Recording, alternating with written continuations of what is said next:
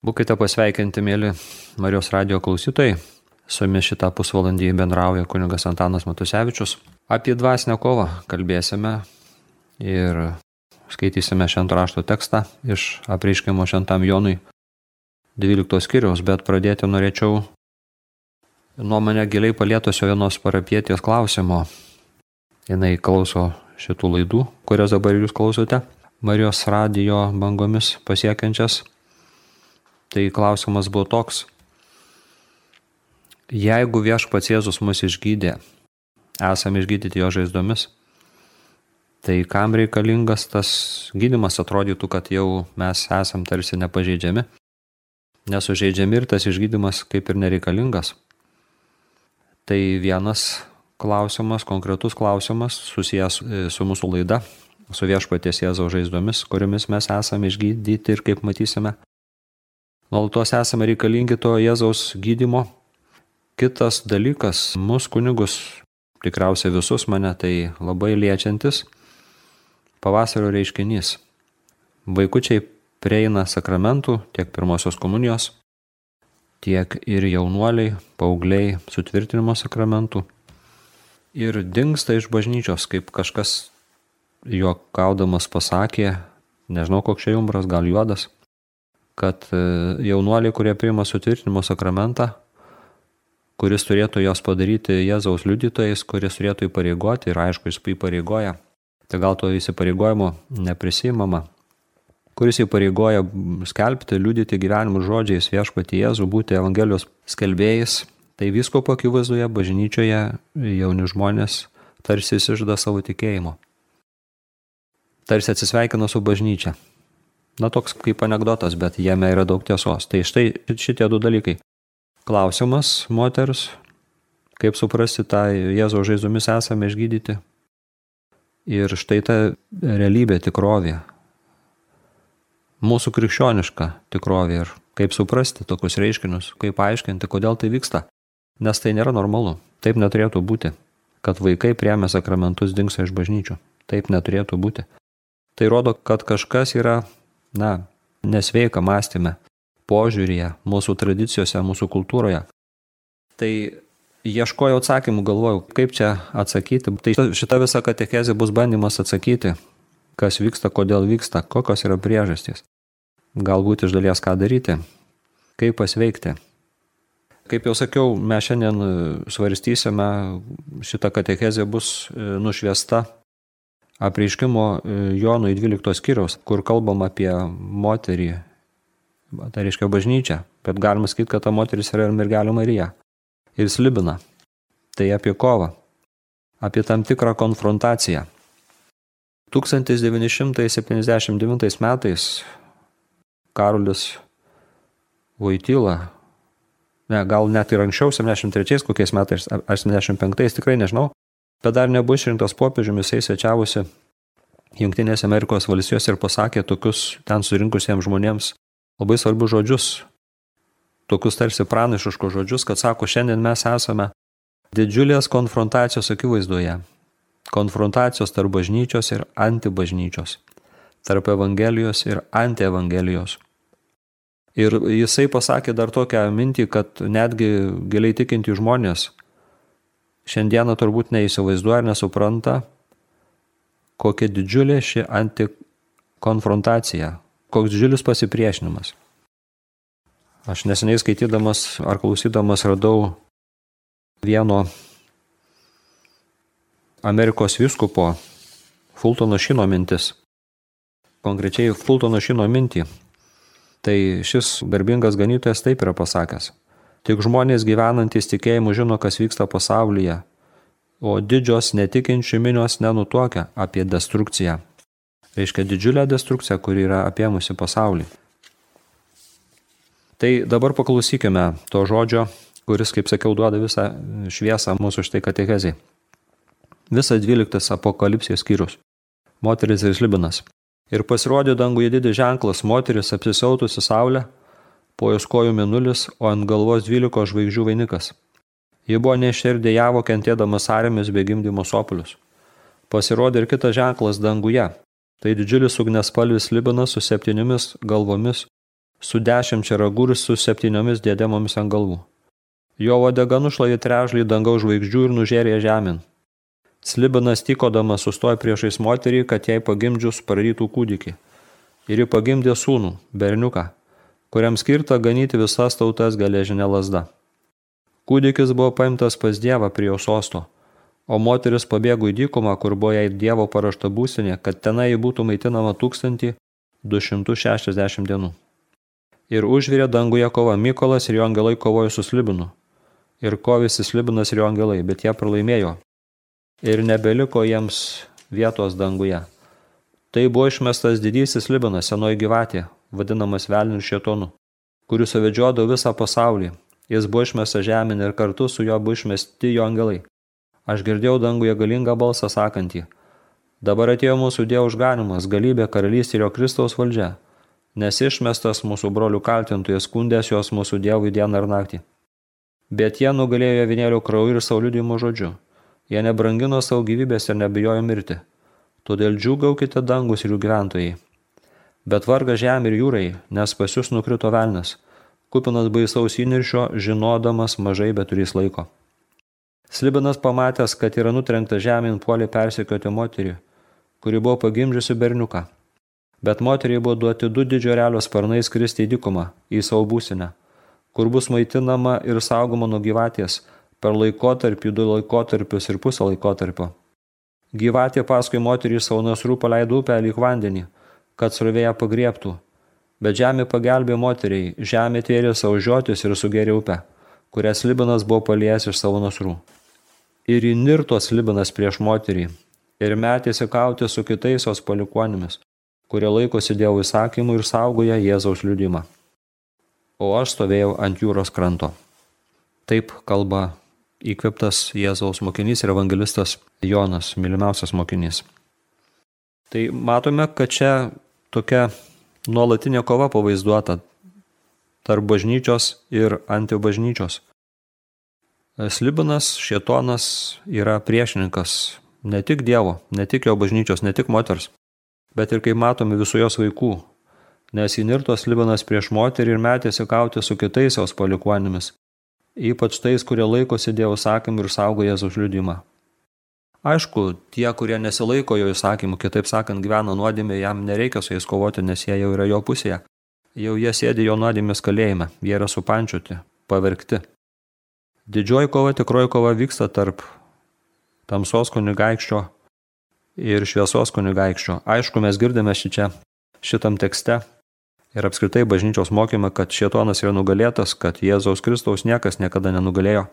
Netgi tuomet ant kryžiaus, kur tariamai Jėzus pralaimėjo, kur buvo pasiekta tariama e, šietonų ir tamsybės jėgų pergalė, vis dėlto Jėzus yra pati pergalė ant kryžiaus ir tai yra didysis šietonų pralaimėjimas.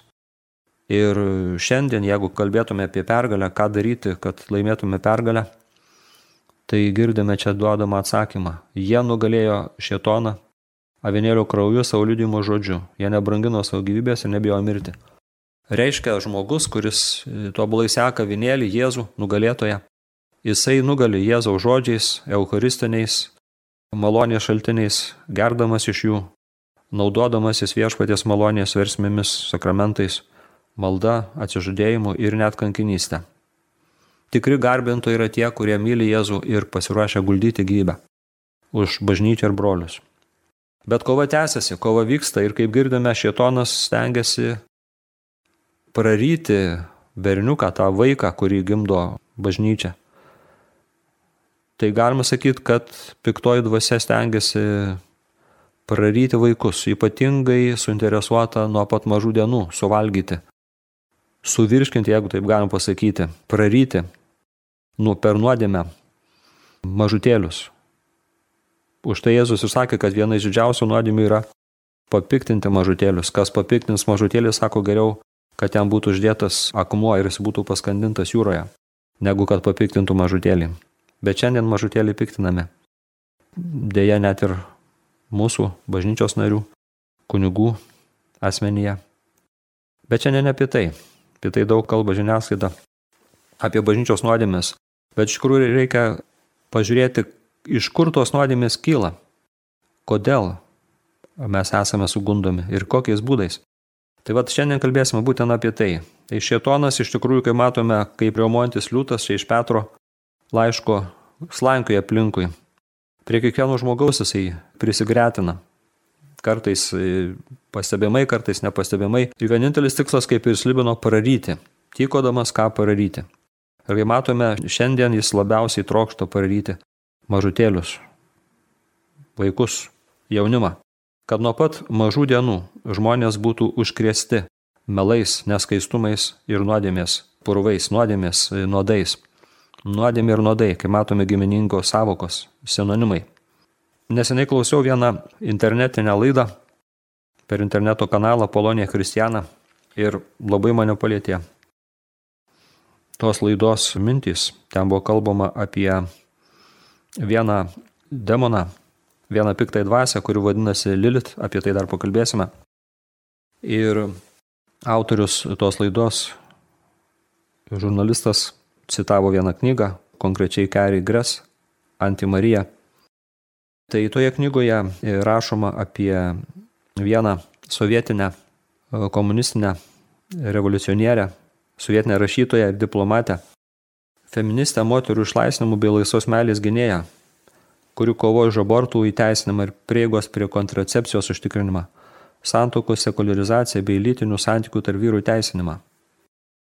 Ta knyga, kurią citavo laidos autorius, žurnalistas Kerry Gress Antimarija. Tai kodėl paminėjau šitą moterį, feministę? Dėl to, kad žinome, prieš Raudonąją revoliuciją, kuri kilo 1917 metais, Rusijoje mergelė Marija keletą mėnesių likus iki revoliucijos apsireiškė Portugalijos Fatimos mieste keliams vaikams ir ragino tuos vaikus melstis, atgailauti, kalbėti už žūstančias sielas, nes daug sielų eina į pragarą dėl to, kad mažai žmonių už juos meldžiasi. Ir tas apsireiškimas mergelės Marijos yra pripažintas oficialiai bažnyčios kaip tikėtinas, kaip tikras. Tai mergelė ragino melstis ir paukoti Rusiją mergelės nekalčiausiai širdžiai, Nes jeigu nebus Rusija paukota, tai iš jos kils didelis blogis. Tai štai, mes matome kilo e, revoliucija ir mes matome vieną konkrečią moterį, kuri padarė labai didelį įtaką šitam blogiui, apie kurį šiandien daug kalbėsime, palaidumui, ištvirkimui ir tai komunistiniai, marksistiniai, genderistiniai ideologijai. Iš tikrųjų, šaltinis atsidarė čia Marksizme, leninizme, komunizme, genderizmo ištakos yra čia. Ir visų šių ideologijų mano paminėtų tikslas, o šias ideologijas naudoja, galbūt net ir gamina piktoji dvasia, tikrai jos ne iš dangaus ateina. Tikslas - sugriauti šeimą, sugriauti žmogų, kitaip sakant, kad žmonės nebūtų išganyti, kad žmonės būtų pararyti. Tai šitos ideologijos tarnauja žmonių pasmerkimui, kad žmonės eitų į pragarą ir net nesuprastų, kad jie yra apnuodyti šitais nuodais ir kad jie eina būtent pasmirkimo pražūties keliu. Mergelė Marija persirgėjo, perspėjo, melskitės, atgailaukite, kalbėkite rožinį, nes jeigu nesimelsit, net gailausite, jeigu Rusija nebus paukota mano nekačiausia širdžiai, šios išeis didelis blogis. Tai mes matome, kad ir dabartinis blogis, nes šiandien genderistinės ideologijos pasiekėjų ir įtakai pastavusių žmonių yra labai daug, tas blogis išplito po visą pasaulį, daugelis vakarų mokslo įstaigų net aukščiausių yra užkrėsto šitą marksistinę ideologiją. Gal jinai taip nevadinama, gal taip neįvardinama. Bet tai yra jos įvairiaus atmainos ir jos, kaip sakoma, dukros ar sūnus. Ideologijos sūnus ir dukros šiandieną gyvena ir savo pragaištį skleidžia. Kai kalbame apie šitą lilitą, apie kurią užsiminiau, apie piktojo veikimą, tai būtent yra toje laidoje minima Deivė, ir demonė. Tam tikra šitono deivė, šitono demonė, net šitono žmona, kai kas ją vadina Lilit. Tai praėjusią amžiaus šeštame dešimtmetyje Anton Levei, kuris laikomas satanizmo tėvu, turintis ir juodojo popiežiaus vardą skelbė, kad 1966 metai atver šitono amžių, o konkrečiai Lilit amžių. Ir nors šis satanistas neturi gero vardo, tačiau per paskutinius 50 metų Įsižiūrėjus lengvai pastebėsime demoniškų jėgų suaktyvėjimo tendencijas, taip pat ir moterų tarpe. Kiek tai susijęs su Lilit kultu. Kas yra ta Lilit? tai taip vadinama šietono žmona, siurbentis kraują, naktinis moteriškas demonas. James Joyce ją vadina abortų globėja.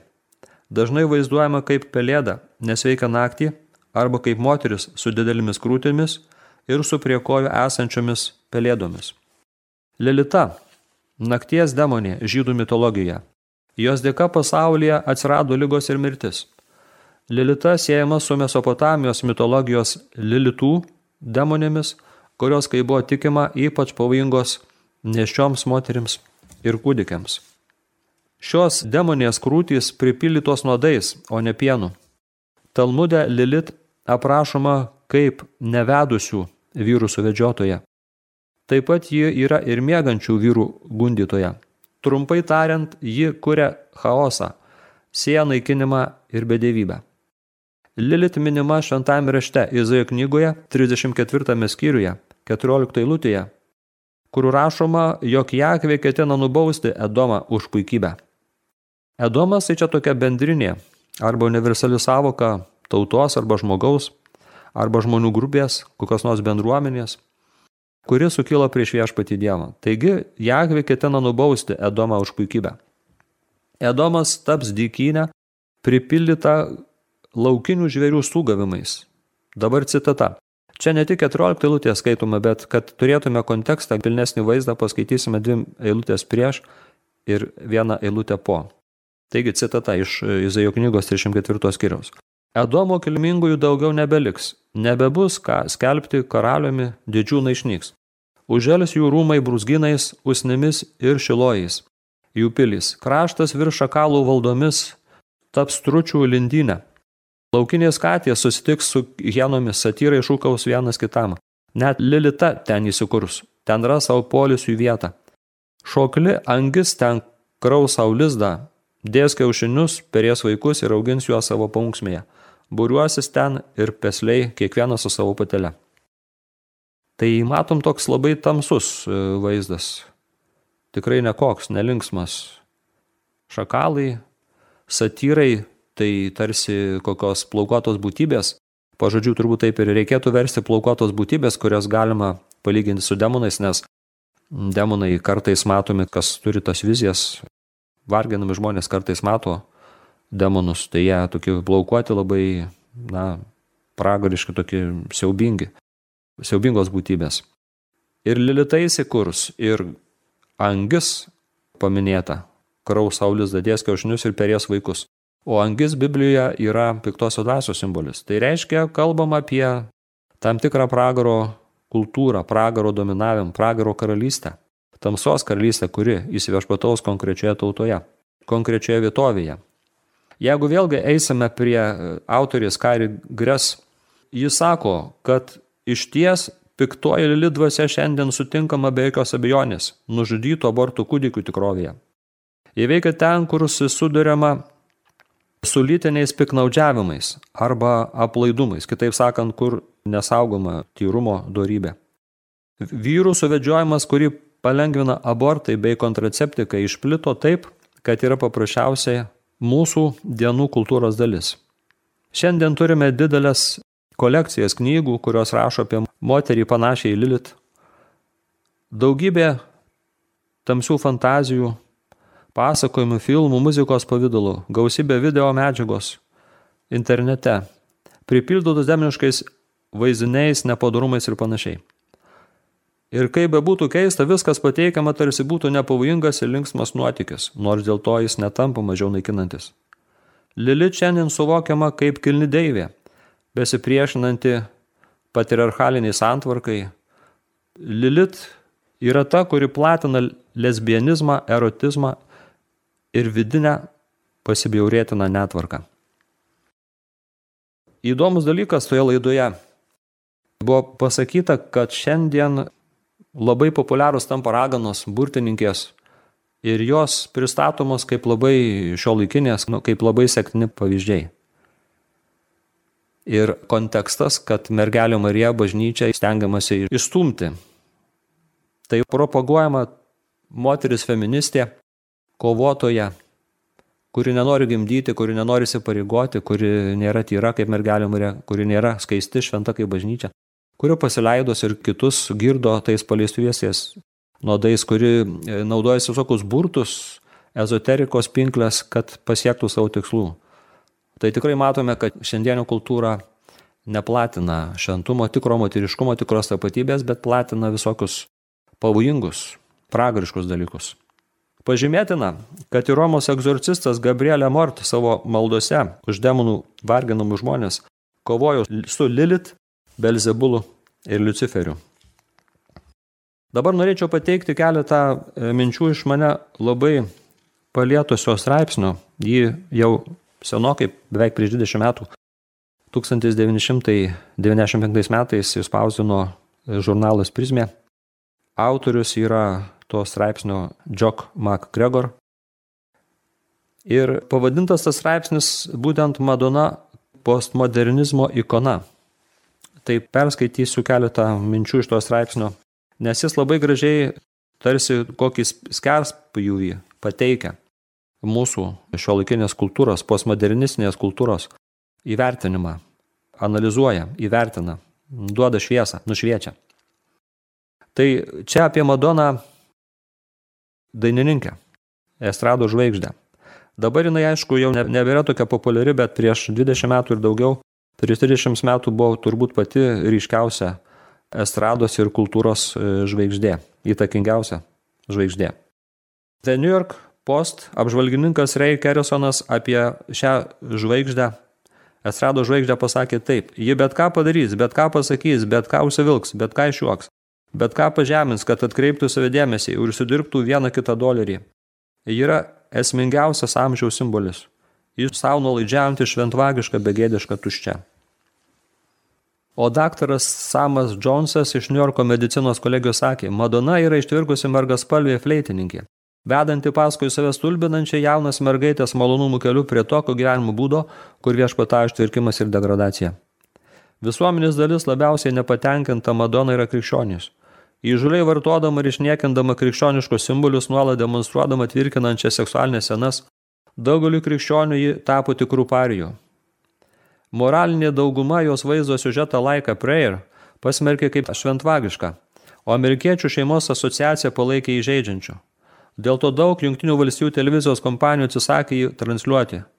Jos turnė Blonde Ambition – Italijoje pasipriešino Vatikanas, o jos vaizdo siužetas Justify My Love buvo toks įžeidžiantis, kad jį uždraudė BBC ir net GMTV kanalas Junktinėse valstijose, o tai jau šitą sako. Tarp kitko, kai buvo rašoma šitas straipsnis, matome, kad tai beveik prieš 20 metų, dar Madona nebuvo naudojama, arba gal taip tiesiogiai nebuvo naudojama kaip šietono kunigė, arba ta, kuri įveda iniciacijas. Bet prieš keletą metų, ar prieš penkis, ar prieš truputėlį daugiau, čia buvo apie tai daug kalbama, ypatingai krikščioniškoje aplinkoje, jinai dalyvavo Eurovizijoje ir ten atliko e, šietonišką kultą, įvesdinimą. Yra YouTube, turbūt nepanaikinti dar tie įrašai, kas norėtumėt galėtumėt pamatyti. Tai tiesiog elgesi kaip įvesdintoje, kaip šietono įrankis, kuris tiesioginio eterio metu įvezina žmonės galbūt nesamoningai, to žmonės, kurie neatskiria, kurie neturi apsaugos, kurie neturi Dievo malonės, tiesiog jie yra tam tikrą prasme įvesdinami į šetono garbintojų, netiesioginių šetono garbintojų eilės. Vienas iš Madonos bruožų, stulbinantis mus pirmiausia, yra jo sugebėjimas vartoti savo pačios įvaizdį. Martinas Amisas taip pakomentavo. Yra nepriklausomas postmodernizmo fenomenas, net jos viešumas išsikoja viešumą. Tiesiog kontroliuojamos iliuzijos šedevras. Richardas Morrisonas iš The Times sako apie ją. Tokių kaip Madonna ir Jacksonas tikslas - pasiūlyti tai, ką galima pavadinti tik visiško egocentrizmu. Jie kontroliuoja kiekvieną savo veiklos aspektą ir nori ištrinti ribą tarp meno ir tikrovės. Jų veiksmai susipina su jos menių gyvenimu atvirkščiai. Dabar toks įvaizdžio ir tikrovės susipinimas yra ne tik Madonos, bet ir mūsų kultūros centras. Viešo ir privataus asmens lydinys. Kai panaikinami bet kokie skirtumai tarp jų taip, kad viskas tampa įvaizdžiu, o tikrovė išnyksta jame. Visas Madonos gyvenimas sukasi apie jos įvaizdžio demonstravimą. Dar viena svarbi Madonos įvaizdžio ypatybė – nuolatinis jo keitimas. Ir šis nerūpestingumas, šis žaidimas įvaizdžių viena vertus be gyvenant jo pasaulyje, bet vėlgi, niekada iki galo jam nesipareigojant yra mūsų kultūros atspindys. Tai ypač parodo, iš kur atsirado vadinamoji postmoderni visuomenė, kurie praradome tikėjimą objektyvė tiesa ir absoliutų. Mes praradome įstikinimą, kad dar egzistuoja koks nors vis apimantis pasakojimas apie gyvenimą. Kokia nors vis apimanti gyvenimo prasme, kuri absoliučiai teisinga visiems laikams ir visiems žmonėms. Viskas yra tik subjektyvios perspektyvos klausimas, priklausantis nuo to, kur jūs dabar esate. Viskas sukasi tik apie tą pasaulį, kurį mes susikūrėme savo. Nėra objektyvos tikrovės, yra tik įvaizdžiai, skirtingi įvaizdžiai. Taigi, kai matome, nėra jokios visapimančios tiesos, jokios vientisos istorijos. Madonos fenomenas gali būti suprastas tik kaip logiška raida visuomenės, kuri prarado vieną vertybių rinkinį ir kol kas dar nerado kito. Mes praradome sąlytį su objektyvi tikrovė ir plaukime pasrovui įvaizdžių upėje. O dabar, autorius kalba, leiskite pereiti prie kitų dalykų, kurie išiškė žvelgiant į Madoną. Antras dalykas, kurį reikėtų pažymėti, yra tai, kad ji labai ryškiai pristato save kaip maištininkę ir ikonoklastę, kuriai būtina šokiruoti ir dar kartą šokiruoti. Ji nuolat maištavo prieš bet kokią valdžios formą, ar tėvas, ar bažnyčia, ar vidurtinių klasės visuomenė. Ji labai dažnai apibūdina save kaip seksualinė revoliucionierė. Čia jūs vėl matote, kai mūsų kultūrai svarbiausias yra antiherojus. Šiuolaikinis herojus visuomet yra maištininkas visada anarchistas, visada ardantis ir greunantis tvirtą sistemą. Postmodernė visuomenė bet koks autoritetas, bet kokia struktūra, bet kokia dogma, tvirtinanti, kad absoliuti tiesa yra visako pagrindas, automatiškai laikomi pajokos ir sunaikinimo objektu. Trečia, Madonos tonas visada lengvas ir žaismingas. Ketvirta, kas taip pat išplaukia iš šios postmodernistinės perspektyvos, tai radikalus individualizmas. Vienas iš Madonos bruožų stulbinantis mus pirmiausia yra jos sugebėjimas ciniškai manipuliuoti žmonėmis. O įvairios Madona gaubiančios istorijos apie tai, kaip jie naudojasi žmonėmis, kad gautų ko nori, yra tiesiog siaubingas. Dar šalia individualizmo pastebėti galima jos įvairiausias aistras, manijas, tai mūsų kultūra esamų aistrų atspindys. Pagaliau Madona parodo identiškumo arba tapatybės praradimą, Po visų šitų lenktynių ambicijų, sėkmės, karjeros, garbės įprado pati save. Yra tuščia, pasimetusi ir, galim sakyti, nelaiminga, nors populiari, garsi ir turtinga. Kaip galėtume apibendrinti tai, ką kalbėjom apie šią postmodernistinio pasaulio ikoną? Kas jie visas šias pastabas apie Madoną su mūsų kultūra? Aš manau, sako autorius Magregoras, kad pirmiausia tai yra postmodernizmo ideologija. Atsisakė absoliučios tiesos ir vieno pasakojimo prasmės, kuris suteikia reikšmę visam gyvenimui. Mes pasimetėme, kaip kažkas tai apibūdino žaismingame neapibrištume. Tai neapibrėžiama ta prasme, kad niekas iš tikrųjų nežino tiesos, tiesos didžiavidė. Kiekvienas paklūsta gyventi jo arba jos nuosavo įvaizdžio subkultūroje, bet tai vis dėlto lieka žaidimas. Tačiau koks baisus ir beviltiškas ta žaismingumas, koks juokas tuštybės veide. Vienas kritikas teisingai pavadino tai besišypsančių nihilizmu. Čia Madona aiškiai tarnauja kaip postmodernizmo ikona. Martinas Amisas pasakė, kad ji tikriausiai yra pats postmoderniausias pasaulio žmogus. Antras dalykas, susijantis visus šios komentarus yra paauglysės psichologija. Tarkime, kad visus šios bruožus mes visi suvokiame kaip paauglysės dalį. Maištas. Skinaties kelio santykiuose su tėvais ir autoritetu linksmybių vaikimasis, skubus pasitenkinimas, nepastovumas ir įsipareigojimas toka, idealizmas. Tai nėra neigiami dalykai, jie nėra neteisingi ir paauglystė nėra tokia. Aš nesakau, kad būti jaunatviškam yra netinkama, tačiau tikslas juk visada buvo judėti nuo paauglysės į brandą, ar ne? O Madonos asmenyje aptinkame žmogų, kuris daugeliu atveju taip gyvena paauglystėje, nesugeba iš jos išeiti į brandą, maištaujantį, tebe tvarkantis savo santykius su tėvais, patekusi į spastus ieškodama nuolatinių linksmybių ir skubaus pasitenkinimo, nepastovi ir stokojantis įpareigojimo, įkliuvusi į naivų idealizmą, nes laiko save seksualinę revoliucionierę keičiančią pasaulį. Gaila, bet mūsų kultūra seka tai.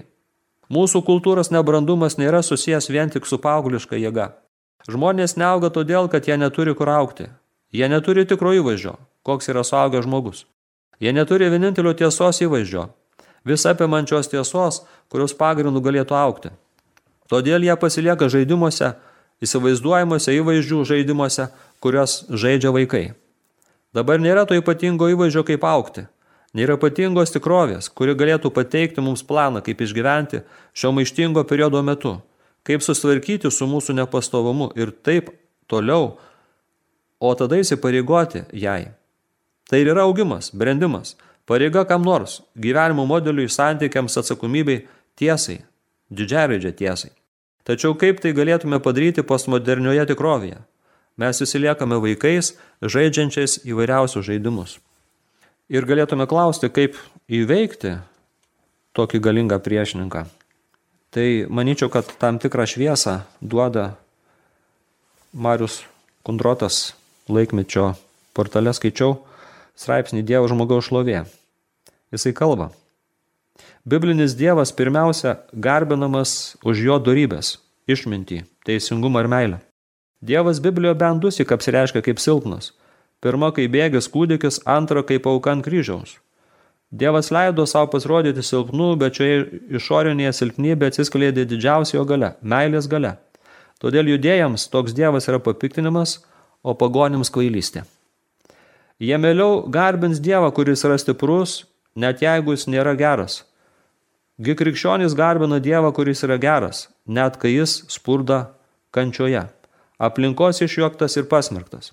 Šio požiūriu krikščionybė aukštinkojomis apverčia visą mąstymo tradiciją. Galios tiesa keičia tiesos gale. Taigi matome, kad Jėzus yra tiesa. Atmesta, nukryžiuota, neprimta, net pažinta, nepripažinta bet vis dėlto pati pergalė. Ir norėčiau pateikti vieną žinę, mergelės Marijos žinę. Vieną Marijos žinę pateikiau pačioj pradžioj mergelės Marijos Fatimoje, dabar kita žinia, vėlyvesnė, 1961 metais datuota. Tai mergelė Marija apsireiškusi Garobandalyje, Ispanijoje, keletui vaikų ar paauglių kalbėjo taip, būtina sudėti daug aukų, labai atgailauti, dažnai lankyti švenčiausią sakramentą. Visų pirma, reikia būti labai geru. Jeigu šito nedarysime, ateis bausmė. Taurė jau arti pilnė, jei nepasikeisime, mus ištiks labai didelė bausmė.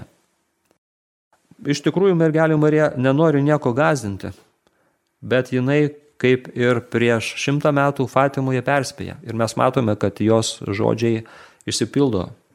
Marija negazina, bet persirgsti, norėdama, kad mes būtume apsaugoti nuo bausmės. Tai dėl to labai svarbu mums išgirsti Marijos žinę ir įsiklausyti į jo žinę. Mergelė Marija patarė, ragina naudoti taip vadinamus penkis Dovido akmenėlius, eiti vieną kartą per mėnesį iš pažinties, kasdieną skaityti šventą raštą, kaip galima dažniau dalyvauti šventosiuose mišiuose, pasninkauti, jeigu kas gali trečianis penktadieniais su duona ir vandeniu, ir melsis rožinį, melsis širdimi. Kitaip sakant, praktikuoti nuo širdžią kasdienę maldą. Iš tikrųjų, jeigu bus daug žmonių, kurie bus apiginkluoti šiais Dovido akmenėliais, jie kaip Dovidas galės stoti į kovą su labai galingu, klastingu, gerai ginkluotų priešu, galijo turi nugalėti. Pabaikime mūsų mąstymą konferenciją viltingų pranešimu, kurį skaitėme prieškimo knygoje. Dabar atėjo mūsų Dievo išganimas, galybė, karalystė ir jo Kristaus valdžia, nes išmestas mūsų brolių kaltintojas skundės jos mūsų Dievo dieną ir naktį. Bet jie nugalėjo ją vinėlių krauju ir savo liudimo žodžiu. Jie nebrangino savo gyvybės ir nebijojo mirti, todėl džiūgaukite dangus ir jų gyventojai. Pasirinkime, broli sesės, kiekvieną dieną atsistoti į bažnyčios pusę. Pasirinkime, broli sesės, kasdieną gyventi tai, kaip moko mus motina bažnyčia. Valgyti maistą, kurį duoda motina bažnyčia. Žysti motinos bažnyčios krūtis. Ir atsisakyti priklausyti kitai motinai. Anti bažnyčiai. Anti moteriai. Anti evangelijai. Nuo mūsų pasirinkimo priklausys. Koks bus mūsų pasaulis?